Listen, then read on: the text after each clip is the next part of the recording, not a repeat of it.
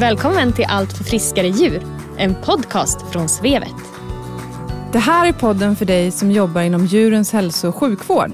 Eller för dig som bara är nyfiken på vår bransch. Vi strävar efter att varje avsnitt ska ge dig som lyssnar ny kunskap och inspiration. Jag heter Nathalie. Och jag heter Maria. Följ med oss när vi träffar spännande gäster från alla hörn och kanter av veterinärbranschen i Sverige. Tillsammans gör vi ju allt för friskare djur.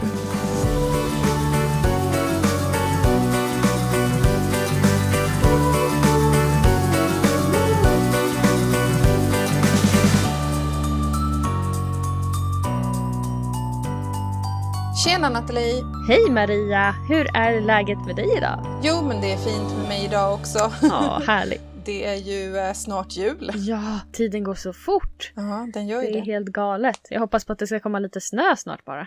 Ja, det lär vi få vänta på. Eller i alla fall här nere i Skåne. Ja, det kanske är så. Kanske inte kommer någon alls. Nej. Ja, idag ska det bli lite etologisnack och lite konsultsnack. För att idag har vi med oss en jättespännande gäst.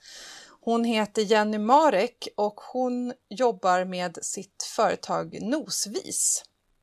Just det, hon konsultar ju eh, en hel del som djursjukskötare faktiskt. En av få i Sverige som är djursjukskötare och konsultar. Och hon har ju specialiserat sig en hel del på det här med etologi, så det ska vi få höra lite mer om i dagens avsnitt. Just det. Välkommen till podden Jenny. Tack så jättemycket. Kan inte du berätta lite grann om dig själv? Vad du gör i ditt företag och eh, vad du, lite om din bakgrund. Oj, ja. eh, jag, ja. Jag började med djursjukskötarjobb när jag var 21 och det är nu då 30 år sedan faktiskt. Eh, och jag fick mitt första jobb på grund av att jag hade en rolig frisyr som min veterinär sa då. Han kom ihåg mig. Eh, och mina katter hade öronskabb. På den tiden så hade man eh, Surulan i öronen på katterna tre gånger så att jag fick komma tillbaks till honom. Så att sista gången så vågade jag fråga ifall han behövde en sköterska. Så jag hade ingen erfarenhet alls förutom ett vansinnesintresse. Så där började min karriär och jobba tio år på en kattklinik där vi bara tog emot katter. Eh, och det var i efterhand så är det ju fantastisk erfarenhet faktiskt som jag inser är ganska unik. Och därefter så har jag väl gjort som de flesta, man har jobbat på olika ställen. alltifrån stora, stora ställen till eh, små ställen som ensamsköterska.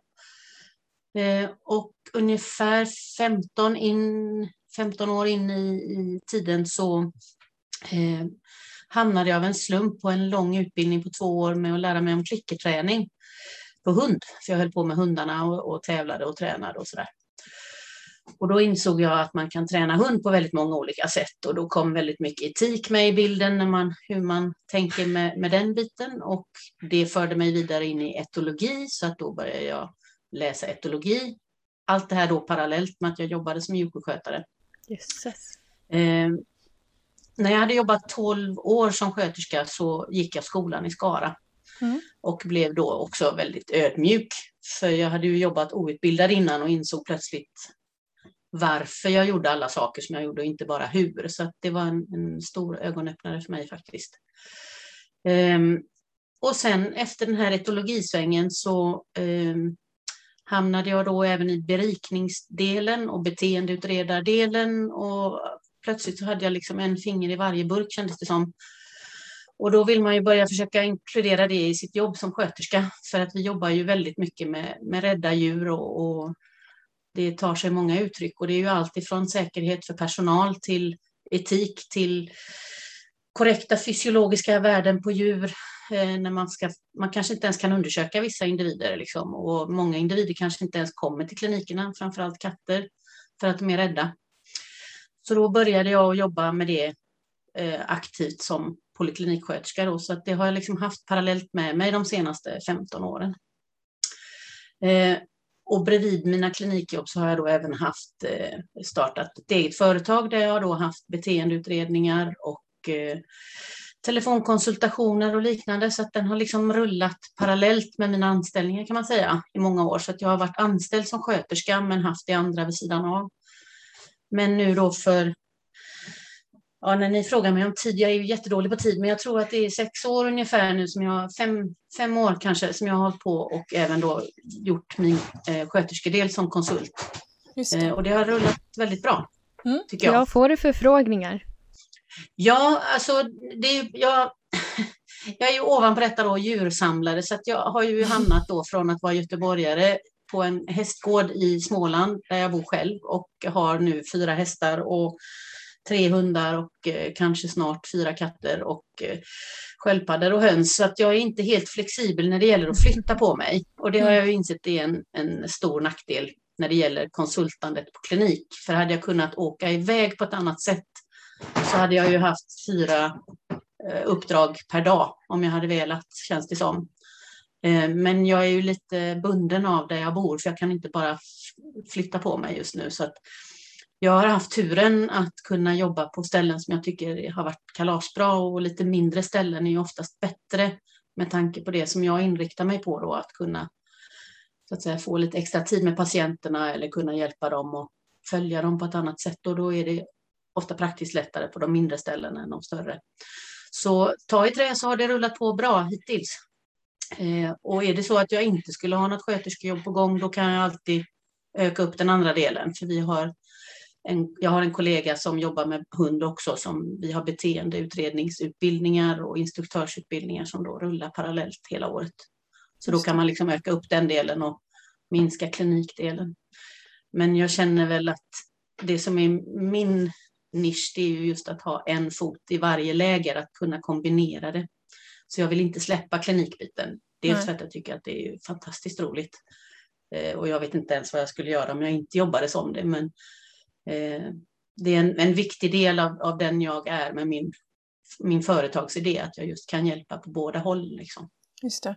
För när vi eh, kom i kontakt så var jag egentligen, eller egentligen, men från början lite ute efter någon som eh, var konsult och hade liksom mer rena djursjukskötare ja. arbetsuppgifter på egen klinik och sådär. Men sen när vi mm. pratade lite grann så dels så förstod jag ju att det kanske inte är helt möjligt i Sverige att köra helt, alltså om man inte bara konsultar på kliniker men att ha egen verksamhet hemma eller hemma hos eh, kunder och patienter och så eh, som djursjukskötare i Sverige än, men att det här som du gör då, ditt andra ben, etologibiten mm. och djurträningsbiten, det är ju faktiskt en väldigt eh, viktig och intressant del av liksom, djursjukskötarens arbete ja. egentligen. Både ja. det kliniska arbetet men även som eh, i i det du gör, att utbilda och liksom djurträningsbiten och så.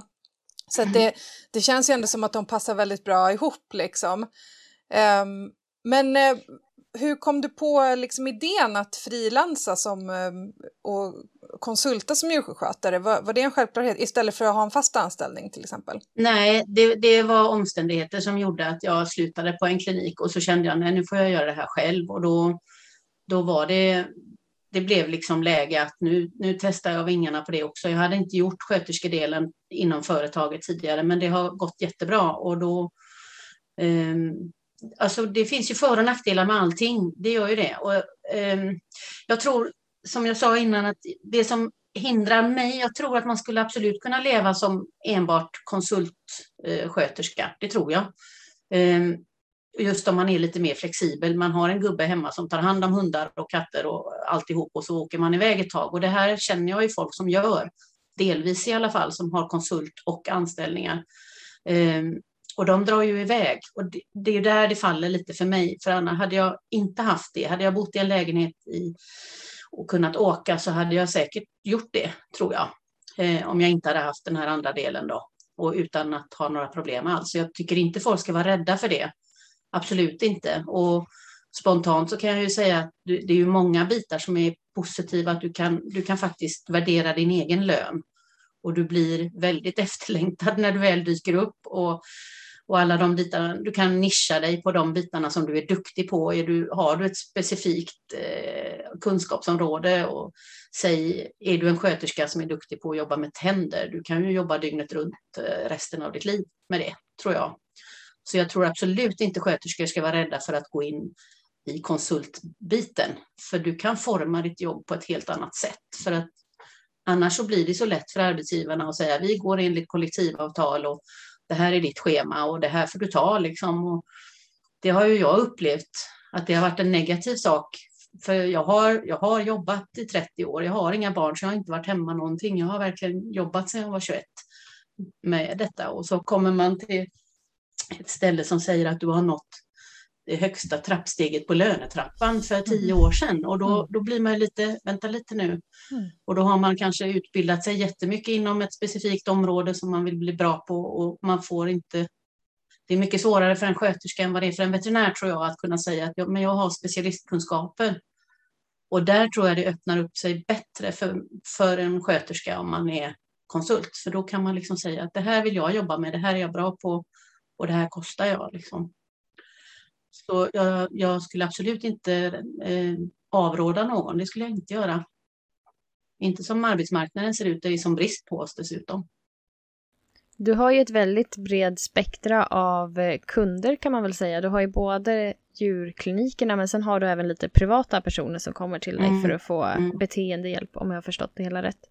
Ja. Hur har du gjort för att nå ut till de här kunderna? Är det lätt att hitta kundunderlag för just beteendeproblematik eller hur ser det ut för dig? Ja, ja, jag kan säga så här som jag sa när vi startade upp den här idag så att jag är ju inte någon hejare på datorer så jag har inte ens en hemsida igång. Jag tror jag uppdaterade den när jag var 47 eller något så den är ganska eh, inaktuell.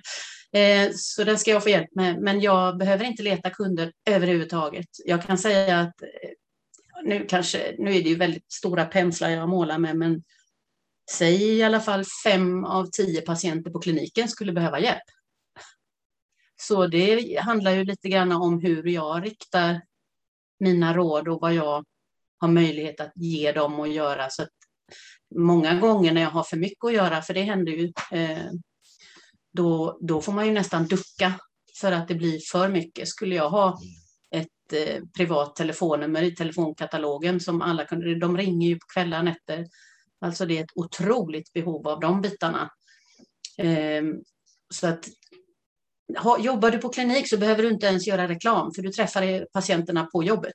Eh, och jag har ju haft, nu, har, nu ska jag precis göra det igen, men jag har ju haft så att jag har haft kliniker som remitterar då till mig som träffar rädda patienter på sina kliniker och så hör djurägarna av sig. Då har de kanske varit på ett helt annat ställe eh, och veterinärerna då har gett dem mitt visitkort eller mitt nummer eller min mejladress. så, så jag har aldrig gjort reklam för den delen överhuvudtaget. Tvärtom, ibland så känner jag att jag behöver stänga av telefonen eller bli ännu mer mm. hemlig. Så att det, ja. Nej, men, och det kommer ju inte bli mindre av det nu när alla coronahundar och katter kommer. Nej. För att det är ju liksom eh, massor med förstagångsägare och, och hundar som inte har blivit socialtränade på rätt sätt eller liknande som inte har varit med om någonting. De har aldrig varit ensamma till mm. exempel. Mm. kommer att bli en jättestor grej med ensamhetsångest på otroligt många hundar när folk går tillbaka till jobben. Så det, det är ju liksom en, en, ja, det blir en kedjereaktion. Eh, och jag upplever ju att många många ägare blir ju ofantligt glada när de har suttit hemma och haft ångest i en vecka för att komma till veterinären med, med katten som fick brottas ner eller liknande och så kan man ta ett blodprov på den där katten och det är ingen fara, bara man gör det på ett lugnt och bra sätt, genomtänkt sätt och djurägarna blir otroligt tacksamma. Så det här är ju väldigt, väldigt bra reklam för kliniken också, att deras klinik klarar av att att hantera den här superrädda hunden eller superrädda katten. För det gör att de både pratar om det i sociala medier, så det blir ju gratisreklam på det viset, och sen att de faktiskt kommer med sina sjuka djur. Liksom. Mm. Mm. Men du känner att det är ett vinnande koncept, att man behöver konsulta eller hyra ut sig till kliniken, eller vad man ska kalla det för, för att få det att börja rulla? Det är ett vinnande koncept. Ja, alltså jag, nu har ju liksom omständigheterna gjort så att jag är konsult om man säger när det gäller sköterskebiten, men annars jag hade kunnat vara anställd också, men då hade jag ju i nuläget när jag har varit konsult, så om jag skulle bli anställd så skulle jag ju vara noga med att berätta vem jag är och, och vad det är jag gör för att både dels se till att jag får, får den lönen och de arbetsuppgifterna som jag är ute efter. Jag vill inte stå och jobba på operation på ett djursjukhus till exempel, för då är mina kunskaper helt bortkastade, plus att jag inte själv är duktig på den biten, för jag har inte gjort det på tusen år. Så att eh, det där är ju en, en fråga som är väldigt personlig. Pallar man med och inte veta exakt vad man ska göra om fyra månader eller vill man ha tryggheten så är det ju lättare förstås att vara anställd på ett ställe och är man ju mer spesad man är, ju mer man får möjlighet på kliniken man jobbar att utvecklas med det. Men, och det varierar jättemycket tycker jag att vissa kliniker är jätteduktiga på att ta hand om, om eh, intressen och, och utveckla och utmana och, och så att säga skräddarsy efter den personal de har och andra bara tycker att alla ska göra samma. Och, mm. Så det är ju jättevarierat. Jag har jobbat på, vad är det, 14 ställen tror jag under mina år. Eh, och det är som sagt både storleksmässigt men även hur, hur kliniken är uppbyggd skiljer sig enormt. Men de ställen som du konsultar hos nu och där du liksom ja. går in och jobbar som djursjukskötare, eh, har du då som i eh, överenskommelsen då att du vill jobba med beteendepatienter eller i alla fall på polikliniken och liksom erbjuder den här typen av tjänster där också? Eller tar du liksom, du säger att du vill inte stå inne på operation, men tar du liksom vanliga poliklinikuppdrag? Ja, ja, absolut, ja, ab ja, gud ja. ja, absolut. Det, går, det är inte man kan säkert bygga upp det. Nu jobbar jag på den kliniken jag är just nu, så jobbar jag fram till nyår. Eh, och sen så kommer jag eh, vara öppen igen för nya äventyr. Men, och där har man ju just pratat på att man kanske skulle ta kontakt med klinik, småklinikerna i närheten och ha en dag på vardera ställen och att de liksom bokar in de patienter som passar mig bäst de dagarna. Om vi säger att då har vi en beteendesköterska och så mm. kan den rädda hunden komma då. Men jag har ju har funderat på det och det, för mig så är det ju lika viktigt att få vaccinera den friska glada hunden eller valpen eller vad det nu må vara och, och jobba med vanliga sköterskefall med röntgen och blodproven. Och, för jag trivs väldigt bra på polikliniken just där. Jag gillar att patienterna är vakna, så kan man väl mm. säga. Jag tycker de är tråkiga när de sover. Eh, men, så att, men självklart så är det ju så att att är det behov av mig att jag ska in och kastrera en katt så gör ju jag det utan problem.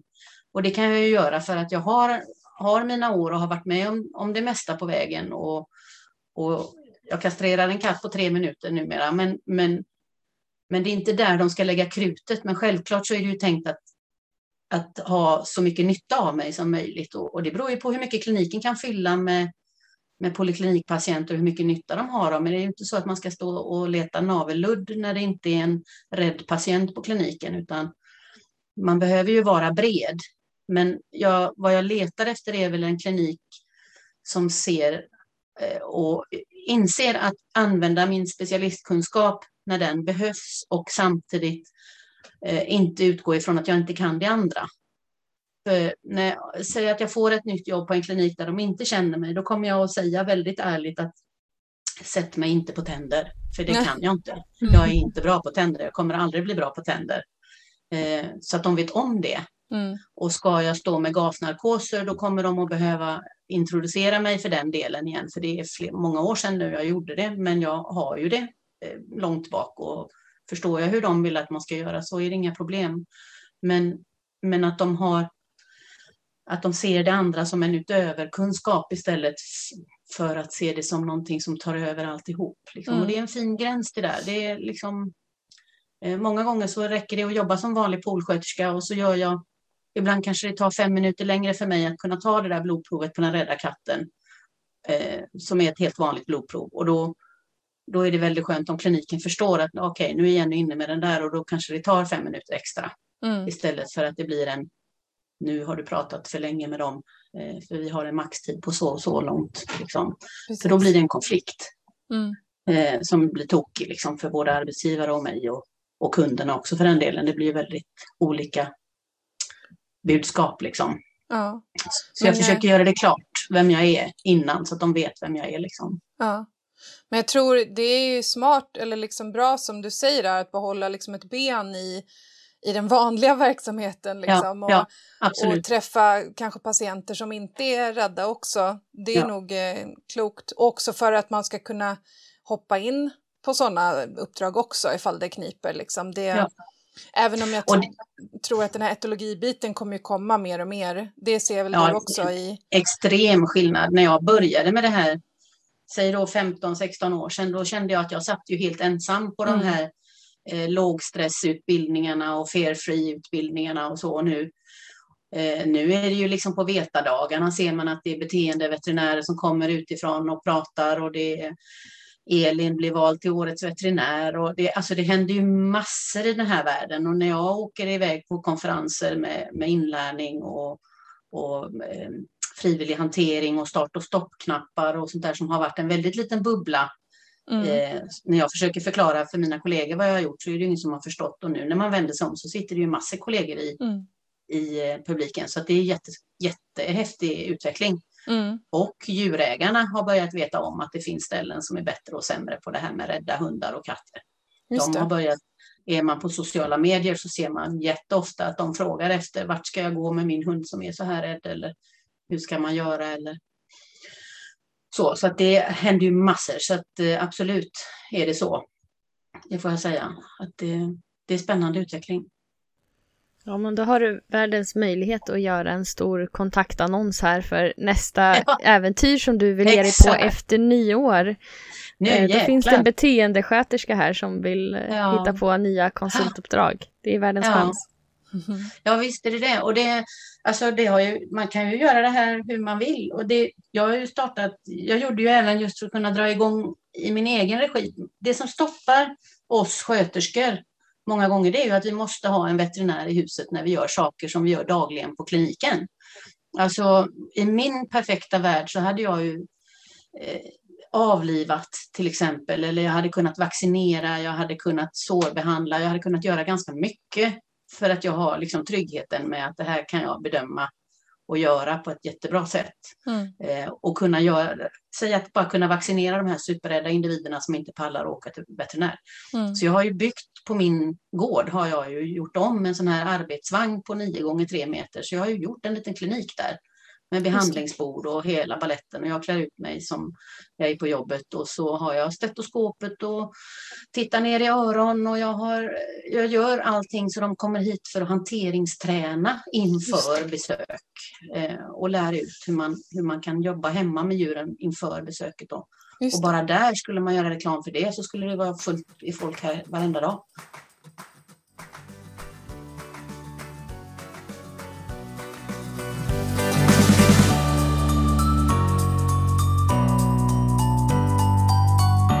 Ja, för det var vi lite nyfikna på hur det ser ut ja. också, det du har hemma på gården. Ja.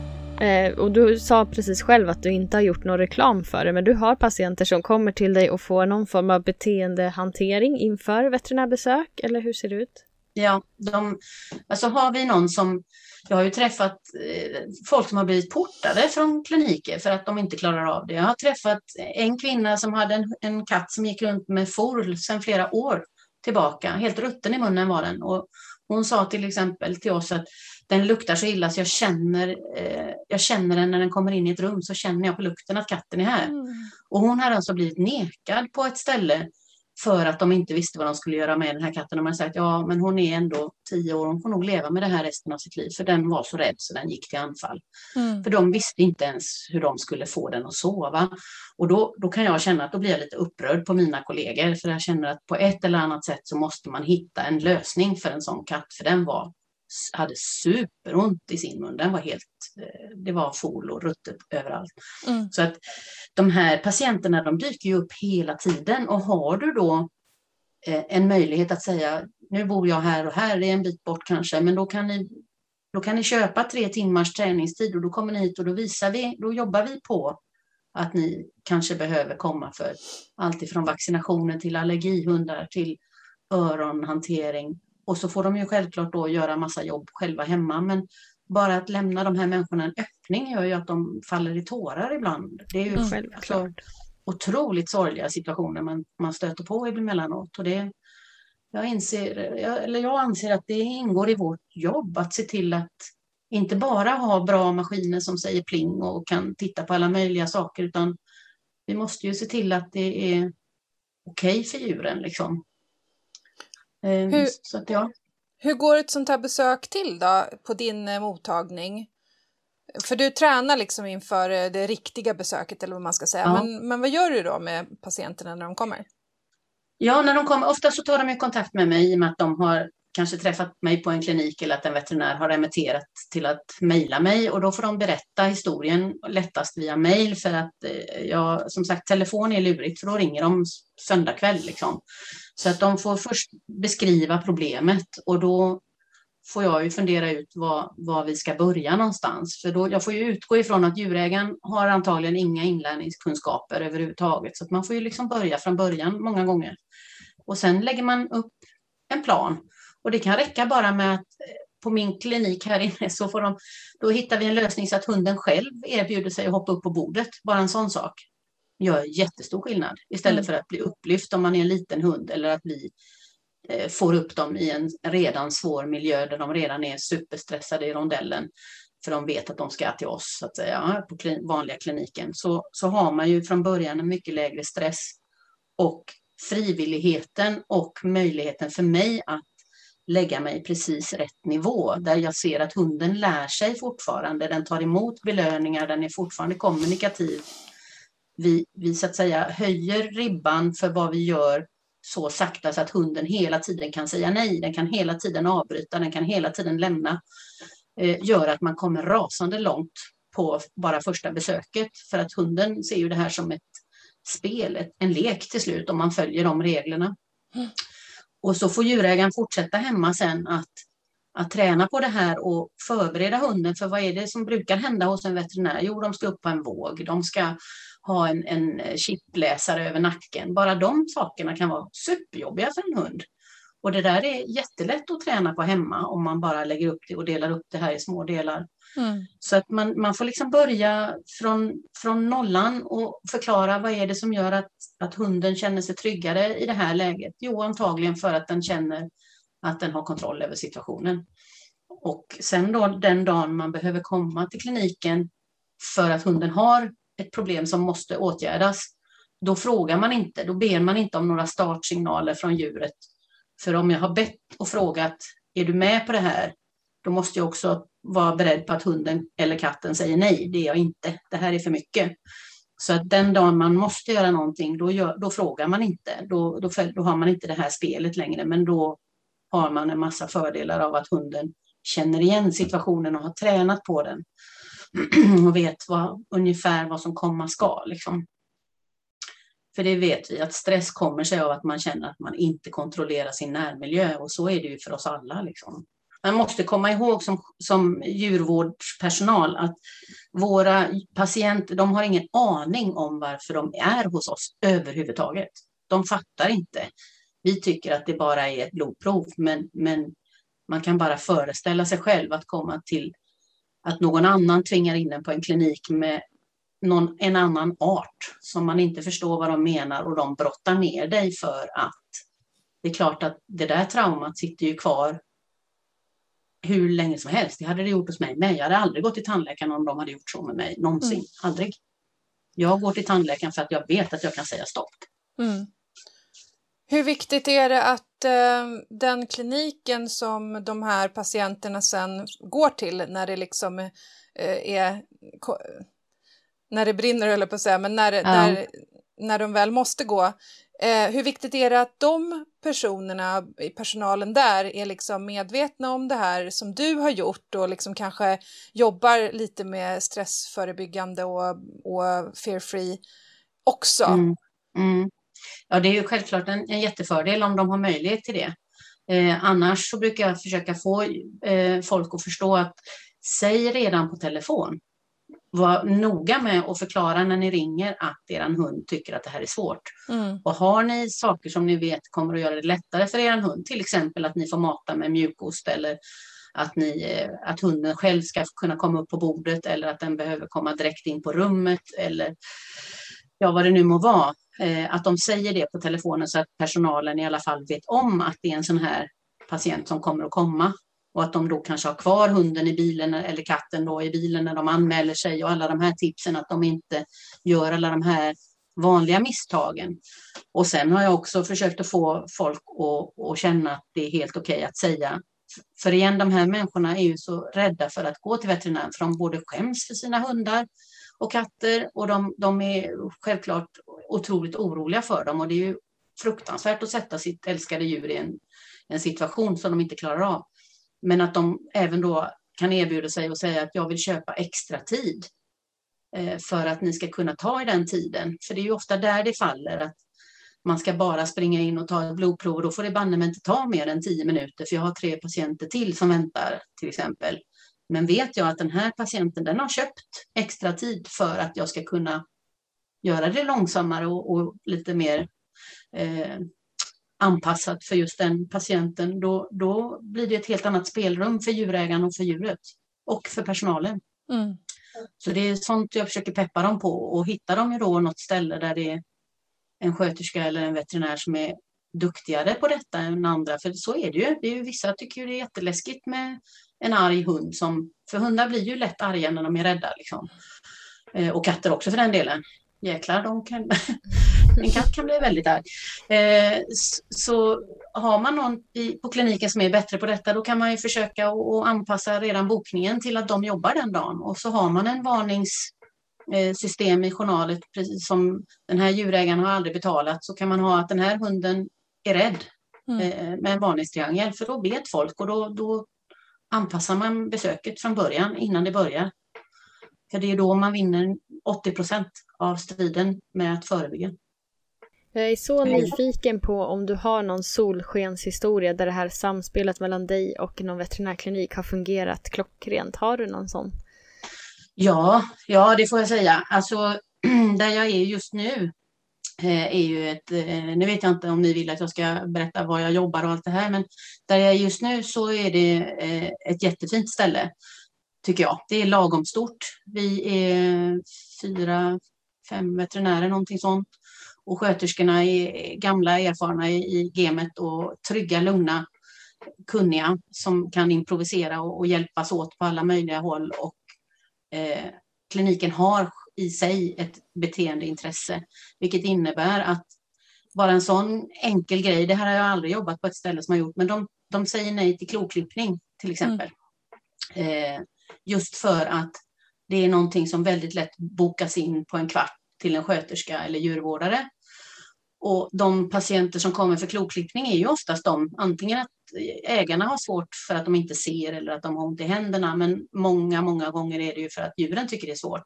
Mm. Och då ska vi lösa det på en kvart mm. på en vaken patient som dessutom då är superstressad av andra saker, vilket gör att det väldigt ofta blir en negativ grej. Mm. Eh, och då är det jäkligt dumt att sätta ihop den associationen med kliniken. Så att de säger rakt av att vi, vi gör inte det här, för vi vill inte att Putte ska eh, få en, en dålig association här, utan för den dagen han kommer och har, ont, har ett klobrott så behöver vi kunna få titta på det utan att han får panik. Mm. Eh, så på ett sätt så är det väl kanske att skicka vidare dem till zooaffären istället och där vet ju inte vad som händer, men, men eh, jag tycker det är en väldigt det är en bra tanke på det viset att vi ska inte göra den delen, för vi gör så mycket jobbigt med dem ändå. Vi klipper ju klor om de sover förstås, eller om man känner att det behövs eller på något annat vis, men inte på rutin. För att det här har vi lätt i våran bransch att tycka att det där är ju bara kloklippning. Men det är inte det. Det är mycket, mycket, mycket mer. Så eh, absolut. Och jag har jobbat på flera ställen som jag tycker är kalasbra. Sen har jag jobbat på andra ställen som har varit större och som ska bygga om och så ber de personalen att utvärdera hur kåken ska byggas och så har jag tillsammans med andra sköterskor suttit och, och haft idéer om hur man ska bygga upp operationsavdelningen där det är nära till att kunna se på övervakningen och man ska samtidigt kunna gå på toa när man är den och den avdelningsänden snabbt för att djuren är sövda till exempel. Och så kommer jag då med en idé att man ska sära på ingångarna för hundar och katter. Och då får man nej för att då blir det för dyrt med två parallella reklamkampanjsgångar. Och då känner man att man tappar sugen lite när man mm. inte har kommit längre. Så att det där är ju från 100 till noll. Men de flesta har, det har ju blivit eh, mer intressant att göra kattväntrum och, och katthyllor och specifika. När jag Nej, ja, jösses. Jag, jag, känner mig så gammal när jag säger så här, men för länge sedan när man var på praktiker och var på stora ställen och man, man behandlade katterna som låg inneliggande i samma rum som det satt hundar och, mm. och det var liksom alla kunde sitta och stirra på varandra under hela inliggningstiden. Eh, Sådana saker, allt sånt har ju blivit mycket bättre. Det Mm. måste jag säga. Man har ett kattstall på, eh, hoppas jag, nästan på 100 procent av ställena nu som har inneliggande och att man har särat på de delarna. Och att man har börjat förstå vad det är som drar igång stress och inte stress. Mm. Men sen den här sista delen liksom med att tänka att lysrör är i högre upplösning än vad, för hundarna än vad det är för oss. Så att ett lysrör blinkar i ögonen på en hund hela natten om den ligger inneliggande. Så att man kanske ska ha nattlampor och inte ha städljus och undersökningsljus på hela tiden, hela dygnet. Sådana där små saker. Det, det finns jättemycket att göra fortfarande. Det gör det. Men eh, att jag, jag måste nog säga att jag tycker att det har hänt jättemycket. Det, Mm. det har det gjort. Det har det. Får du den typen av uppdrag som konsult också? Att du kommer och ger råd och tips inför nybyggen eller ombyggnationer? Nej, inte än. Nej, men det kanske är något som är Men jag intressant. skulle väldigt gärna vilja, ja, det skulle vara jättekul. Och alltså, jag har ju eh, jag har ju haft en del föreläsningar och utbildningar för både veterinärer och kollegor, sköterskekollegor, när de höll på med att, att sätta poäng på folk som hade jobbat länge för att de skulle få legitimationen. Då hade jag utbildningar i de här bitarna, hur man fysiskt och praktiskt gör med patienter för att minska stress på både stora och små ställen. Och det var ju massor med folk som kom för att få då etologipoäng för Jordbruksverket. Så att det var ju superspännande. Och det är få grejer som gör mig så glad som när jag åker till Skara och pratar med deras djurvårdar, vuxenutbildning där och får prata med de eleverna i två hela dagar för att bara försöka få ut det här mer infiltrera världen liksom. Mm. Eh, så det hade varit underbart. Men, men eh, nej, det, jag lämnar det öppet, men det hade varit jättekul. Eh, just att få göra sådana här praktiska bitar, att utvärdera hur de har byggt upp det. Liksom. Men eh, du sa det att du utbildar eh, personal och eh, håller kurser och sånt där. Är det också någonting som du gör liksom regelbundet att du åker till kliniker för att liksom ja, men utbilda kanske personalen just på den kliniken, hur de kan tänka och, och Ja. sådär, håller kurser på det sättet? Ja, det har jag gjort och det går ju också lite upp och ner beroende på hur, hur mycket det snackas om det här. Liksom, och om det är en nystartad klinik eller om det är någon som känner till mig som har, för jag gör ju inte själv någon, jag ska bli bättre på detta. Eh, Mm. För när ni frågar mig om hur man gör reklam för sig själv som eh, egenföretag så ska ni inte fråga mig för jag är Mm. jättedålig på det. Så det, jag hamnar i olika situationer och folk hör av sig. Eh, för jag är för ostrukturerad för att jag är stolt över att jag har beställt visitkort nu. Mm. Men, men eh, hade man lagt lite krut på den biten så hade det säkert kunnat bli jättemycket det också. Eh, det tror jag. Så att eh, som sagt möjligheterna finns där. Det är bara att man ska komma ut med det och att man ska strukturera upp sig så att man har tiden att göra det. Mm. Så kan man väl säga att man väver in det. För jobbar jag på klinik då är det ju ofta att ja, då har jag mina tre eller fyra dagar i veckan som jag jobbar som vanlig sköterska så att säga med den här inriktningen eh, utöver det andra. Och sen så har jag ju då det andra företaget som rullar med våra elever som ska då bli instruktörer och beteendeutredare och den tar mycket tid. Och sen så har jag gården så att jag får ju liksom ha lite framförhållning men då kan jag ju absolut planera runt schemat precis så som jag vill ha det. Liksom. Mm. Så är det. Mm. Men som sagt, eh, eh, man kan göra, det är det som är grejen, man kan göra vad man vill som sköterska, förutom att starta en egen klinik om du inte har en veterinär, för det där är en stopp. Men jag tycker vi ska bli bättre på att känna att det här tycker jag är roligt, det här tycker jag att jag är bra på, och spesa oss. Mm. Och visa framfötterna och berätta för våra arbetsgivare att det här vill jag jobba med och nu får du hjälpa mig att utbilda mig vidare eller ge mig mer uppgifter som har i den här riktningen att göra. Vi ska inte vara blyga för att ta för oss. Vi är otroligt allsidiga sköterskor. Jag menar, vi ska kunna söva, vi ska kunna röntga, vi ska kunna ta blodprov på vem som helst eh, och göra allt det praktiska som veterinärerna tycker är käckt. Liksom. Mm. Eh, oj, nu är det min hund som kastar ben här. Ja. Eh, och det kanske de skickar in oss att göra när de precis har tagit tempen på den här superrädda katten och så säger de jag vill ha fyra blodprovsrör på den. Så att vi, vi, vi eh, underskattar oss, vi sköterskor, tycker Mm. jag. Mm. Eh, vi är skitbra. Och, därför Mm. så, och det ena utesluter ju som sagt inte det andra. Man kan vara, jag har kollegor som är anställda till en viss del Mm. Och så tar de konsultbitar utöver det. Mm. Eh, allt ifrån att kunna jobba på stort ställe och jobba dygnet runt ett, tag för att få in lite pengar och då åker de ju iväg. Mm. Eh, till att liksom just kanske göra som jag gör och ha lite specialgrejer då som de tycker är extra roligt. Just det. Men du Jenny, om man ska liksom sammanfatta de här två egentligen säckarna som vi har eh, grävt i. Dels etologi och den, träningsbiten och sen det här med konsultande och, och egenföretagare. Om, du, om vi börjar med liksom ehm, eh, etologibiten och träningsbiten. Eh, när vi pratade med dig inför det här så, så sa du det att det sitter ihop den psykiska och den fysiska hälsan eh, mm. hos djuret och vikten att förebygga stress hos djuret och sådär. Eh, kan du bara kort liksom sammanfatta varför är det så viktigt att knyta ihop det här och få ihop de här två för djurhälsopersonalen och, och tänka på de här bitarna? Ja, börjar man, börjar man med den fysiska delen så är det ju faktiskt så att långvarig stress ger fysiska problem. Eh, och det är inte sällan som jag blandar mig i när veterinärerna står och och kliar sig i huvudet med olika patienter för att har dessutom hunden en kronisk stress som har pågått i flera år, då vill jag att man, man tittar på magkatarrer. Jag vill att man tittar, på, tittar ner i öronen ordentligt på hunden som har uppvisat ljudrädslor. Eller att man klipper pälsen på hunden som inte kan se eller ge signaler. För alltså, du kan få en massa fysiologiska immunförsvarsproblem med stressen. Mm. Och igen, om det inte ens patienten kommer till kliniken, då har vi ett jätteproblem. Och kommer dessutom klinik, eller patienten till kliniken men du inte kan titta på den i vaket tillstånd, du måste söva med, utan att ha kunnat lyssna eller kunna undersöka överhuvudtaget, då har vi också ett medicinskt problem.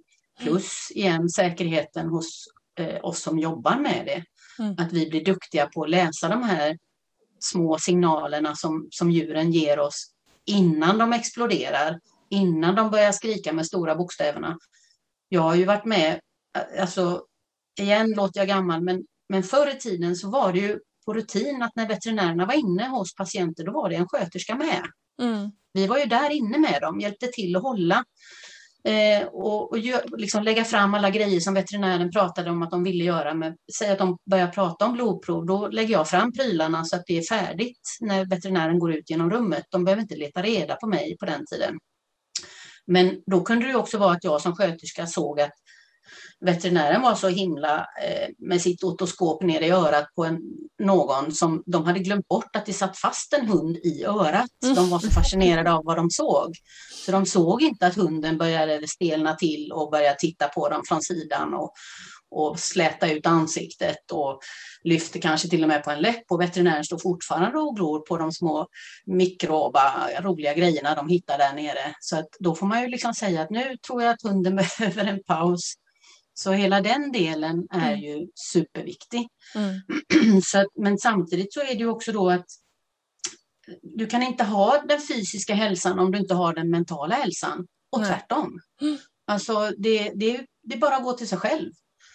Det, mm. det, är inga, jag har själv varit med om att jag har fått sådana stress-magtarmssymptom så att jag har varit utredd för cancer. För att mm. det, är liksom, det är bara stopp. Jag sov inte och magen blev jättekonstig och jag blev superorolig och läkarna också för den delen. Eh, och det var stress. Mm. Så jag har varit med om det helt själv och det, jag är inte ensam om det. Och, och vi har huvudvärk. Hur ställer vi diagnos huvudvärk på en patient? Det är jättesvårt. Ja, går, ja. Så att, eh, ja, och tandstatus, gå runt med tandvärk. Det vet man ju själv, det räcker med en dag så är man ju helt rökt. Mm. Så att, och då, då har man, säg huvudvärk eller sköldkörtel eller magkatarr, då sänker du ju ribban direkt på hur du beter dig när du är ute på promenad och träffar en annan hund. Mm. Då kanske du gör ett utfall på grund av att du är så jäkla slutkörd i kroppen eh, och mentalt så att du bara, det bara händer. Och då mm. får du ordning på det fysiska så har du ordning på det, eh, det som upplevs som ett beteendeproblem och tvärtom. Mm. Så det här är ju något som jag tjatar och skäller på försäkringsbolag ganska ofta.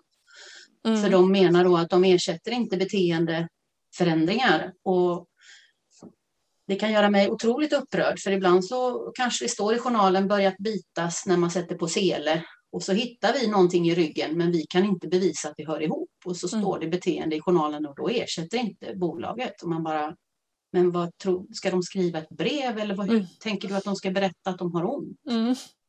Ja, det våra... blir ytterligare en kamp att föra. Ja, eller hur? För våra djurägare är ju fortfarande så att de säger men han äter fortfarande fastän han är rutten i munnen. Han har inte ont. Mm. Eller han, han haltar men han har inte ont. För deras kunskap är ju inte heller där så att säga. Mm. Så att det, man får hela tiden... För mig går det inte att sära på. Eh, det, det är liksom Nej, du har gett jättebra argument för varför det verkligen ska gå hand i hand. Men om ja. vi tar den andra säcken då, det här med konsultandet och att starta eget. Mm. Um, vad är dina viktigaste lärdomar från det? Vad är det, det viktigaste du skulle kunna förmedla till andra djursjukskötarkollegor som funderar på att göra samma sak? Och... Att de ska våga, säger jag. Mm. Det tycker jag absolut. Vi har en, en uh, gyllene möjlighet för som sagt, vi är eftertraktade, vi är inte så många och vi är skitduktiga på det vi gör. Eh, och ju mer man pinpointar sig, ju roligare blir jobbet, skulle jag vilja mena. För då kan man, har man en specialgrej som man vill göra, så kan man använda sig av den eller jobba precis på det viset som man tänker att ja, men jag kan vara på operation eller stationär eller pool. Det spelar ingen roll, jag gillar jobbet på alla ställen. Då är du jätteattraktiv för de som behöver det Mm. Vill du pinpointa dig så kan du göra det. Alltså det finns ingenting som hindrar. Mm. Men med mitt facit i hand så hade det kanske varit... Eh, ni ska inte vara lika eh, slarviga som jag på att lära er eh, dator och, mm. och alltså marknadsföring och hålla sig framme. Liksom, för att det, det tror jag är jätteviktigt egentligen. Jag har lyckats glida eh, på bana två ändå mm. på något vis. Utan hemsida och utan att göra så mycket eh, stök runt omkring. Liksom. Men, men det, är man duktig på de bitarna så ligger ju det också klart i, som en fördel att man, man är strukturerad och, och sådär. Och tycker man att räkenskaper och bokföring, ha någon då som hjälper er för att det är också något sånt där, man behöver inte vara bra på allt. Mm. Jag har en stackars pappa som är företagsekonom så att han får skylla sig själv än så länge. Men han, han börjar bli gammal och säger nu får du lära dig själv. Men, men eh, jag, jag, får ju hjälp med det där för det där hade inte jag. Jag vet inte ens var jag lägger mina kvitton så att jag är inte så bra på det där. Eh, men eh, det finns, jag är ju undantag på det tror jag att jag har klarat mig bra ändå. Men man kan, man kan få hjälp med det. Liksom. Det finns ju de som är, tycker sånt är det roligaste som finns som man kan lämna exakt. det till också. Exakt så. Exakt. Så man kan ägna sig själv åt det man själv tycker är det roligaste som finns. Ja, exakt. Och det, det är samma när man, har, när man jobbar på kliniker som det är veterinärer som äger. Vissa klinik, eller veterinärer är ju jätteduktiga på att vara chefer och jätteduktiga på att hålla ett företag. Mm. Andra är rent ut sagt, eh, förlåt om det är någon som känner tar åt sig, andra är jättedåliga på det. Mm. För att de är superduktiga veterinärer. Och, och igen, då finns det delegeringsmöjligheter. Så att säga. Då, då får man se till att kan man få fokusera på det man känner att man är bra på och tycker det är roligt så är ju eget företagande skitroligt. Mm. Eh, och du kan som sagt du kan sätta ditt eget schema. Du kan jobba de procent du känner att du vill. Mm. Eh, det finns ju en helt annan möjlighet mm. jämfört med att och vara liksom anställd på ett tungrot ställe där man behöver fråga fyra instanser upp för att få ändra på någonting. Liksom. Mm. Så allt har för och nackdelar. Verkligen. Fantastiskt inspirerande och jag tror att det är många sköterskor där ute som lyssnar på det här och finner ny inspiration till att kunna förnya sitt arbetsliv på ett eller annat sätt. Det tror jag verkligen. Vi har en sista fråga som vi ställer till alla våra gäster innan de får lämna oss. Och den kommer inte du undan ifrån heller. Det är ifall det finns en person eller ett ämne som du hade velat höra om i den här podcasten. Har du hunnit fundera på den, Jenny? Ja, eh, ja det gjorde jag. Och jag, jag vet inte, jag har inte hört alla era avsnitt, så jag vet inte, men jag har ju en gammal eh, eh kollega, vän, höll jag på att säga, Bo Runsten, som jobbar på exotiska avdelningen, startade upp den för tusen år sedan på Blå Stjärnan.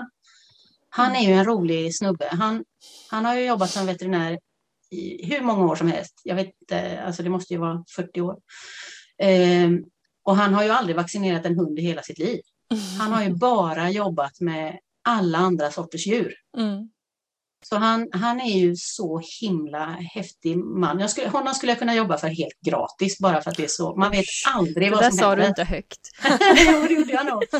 Nej, men han, han, jag gjorde praktik på Universium för då var han Universium i Göteborg som har den här Just stora eh, utställningen med, med djur och regnskog och hav. Eh, så var jag djur, djursjukskötare där under en period, eh, både som praktikant för honom och sen så jobbade jag som vikarie och man kunde ju plötsligt på morgonmötet veta att man skulle kolla att eh, blodiglarna mådde bra. Eller att man skulle sätta en antibiotikapasta på skärten på en av hajarna i den mm. stora tanken. Eller det kunde vara precis vad som helst och man hade aldrig en aning om vad som hände. Så han är superspännande och han är så otroligt duktig på det han gör. Och ödmjuk och tycker det är kul att dela med sig av sin kunskap. Så han, eh, honom har vi alla att lära av. Mm, jag säga. Kul. Bra tips. Ja. Ja, det var det. Nu såg vi en liten svans som viftade där i bakgrunden så ja. att vi kanske ska släppa dig nu till dina... ja, de tjatar alltid så det är inget ord så. Stort, stort tack Jenny eh, för att du ville prata med oss idag. Ja, tack själva. Det var jättetrevligt. Eh, det här är sista avsnittet för säsongen så vi får passa på att önska dig en god jul och ett gott nytt år. Tack snälla. Jag ska försöka få hit mina föräldrar från Göteborg. Jag bor ju i Småland numera i skogen så det ska bli våran jul. För förra blev det inget av med någonting. Just det. Nej, men nu börjar det lätta lite på alla restriktioner och så vidare. Ja, så det, det låter härligt. Jenny, om man vill komma i kontakt med dig, hur gör man då? Det lättaste är att mejla mig. Eh, och det är ju nosvis, som mitt företag heter. Nosvis som i näsvis, fast nosvis live.se. Kanon! Toppen. Ja. Tack snälla för att vi fick prata med dig. Tack själva. Det var jättekul. Och tusen tack också till dig som har lyssnat idag och eh, om du har hängt med hela säsongen på alla avsnitt så får vi rikta ett extra stort tack till dig tycker jag. Verkligen! Och glöm inte att det fortfarande går att ta kontakt med oss via podcast.svevet.se om ni skulle ha lite ris och ros ni vill ge oss eller några tips och idéer på kommande avsnitt. Så hör av er till oss på podcast.svevet.se. Men nu tar vi jullov, eller hur Nathalie? Ja, nu är både vi och alla lyssnare väldigt välförtjänta av ett jullov tycker jag. Så god jul till er allesammans och ett riktigt gott nytt år! Det säger vi. Tack så mycket Nathalie! Tack snälla Maria! Hej då! Hej då!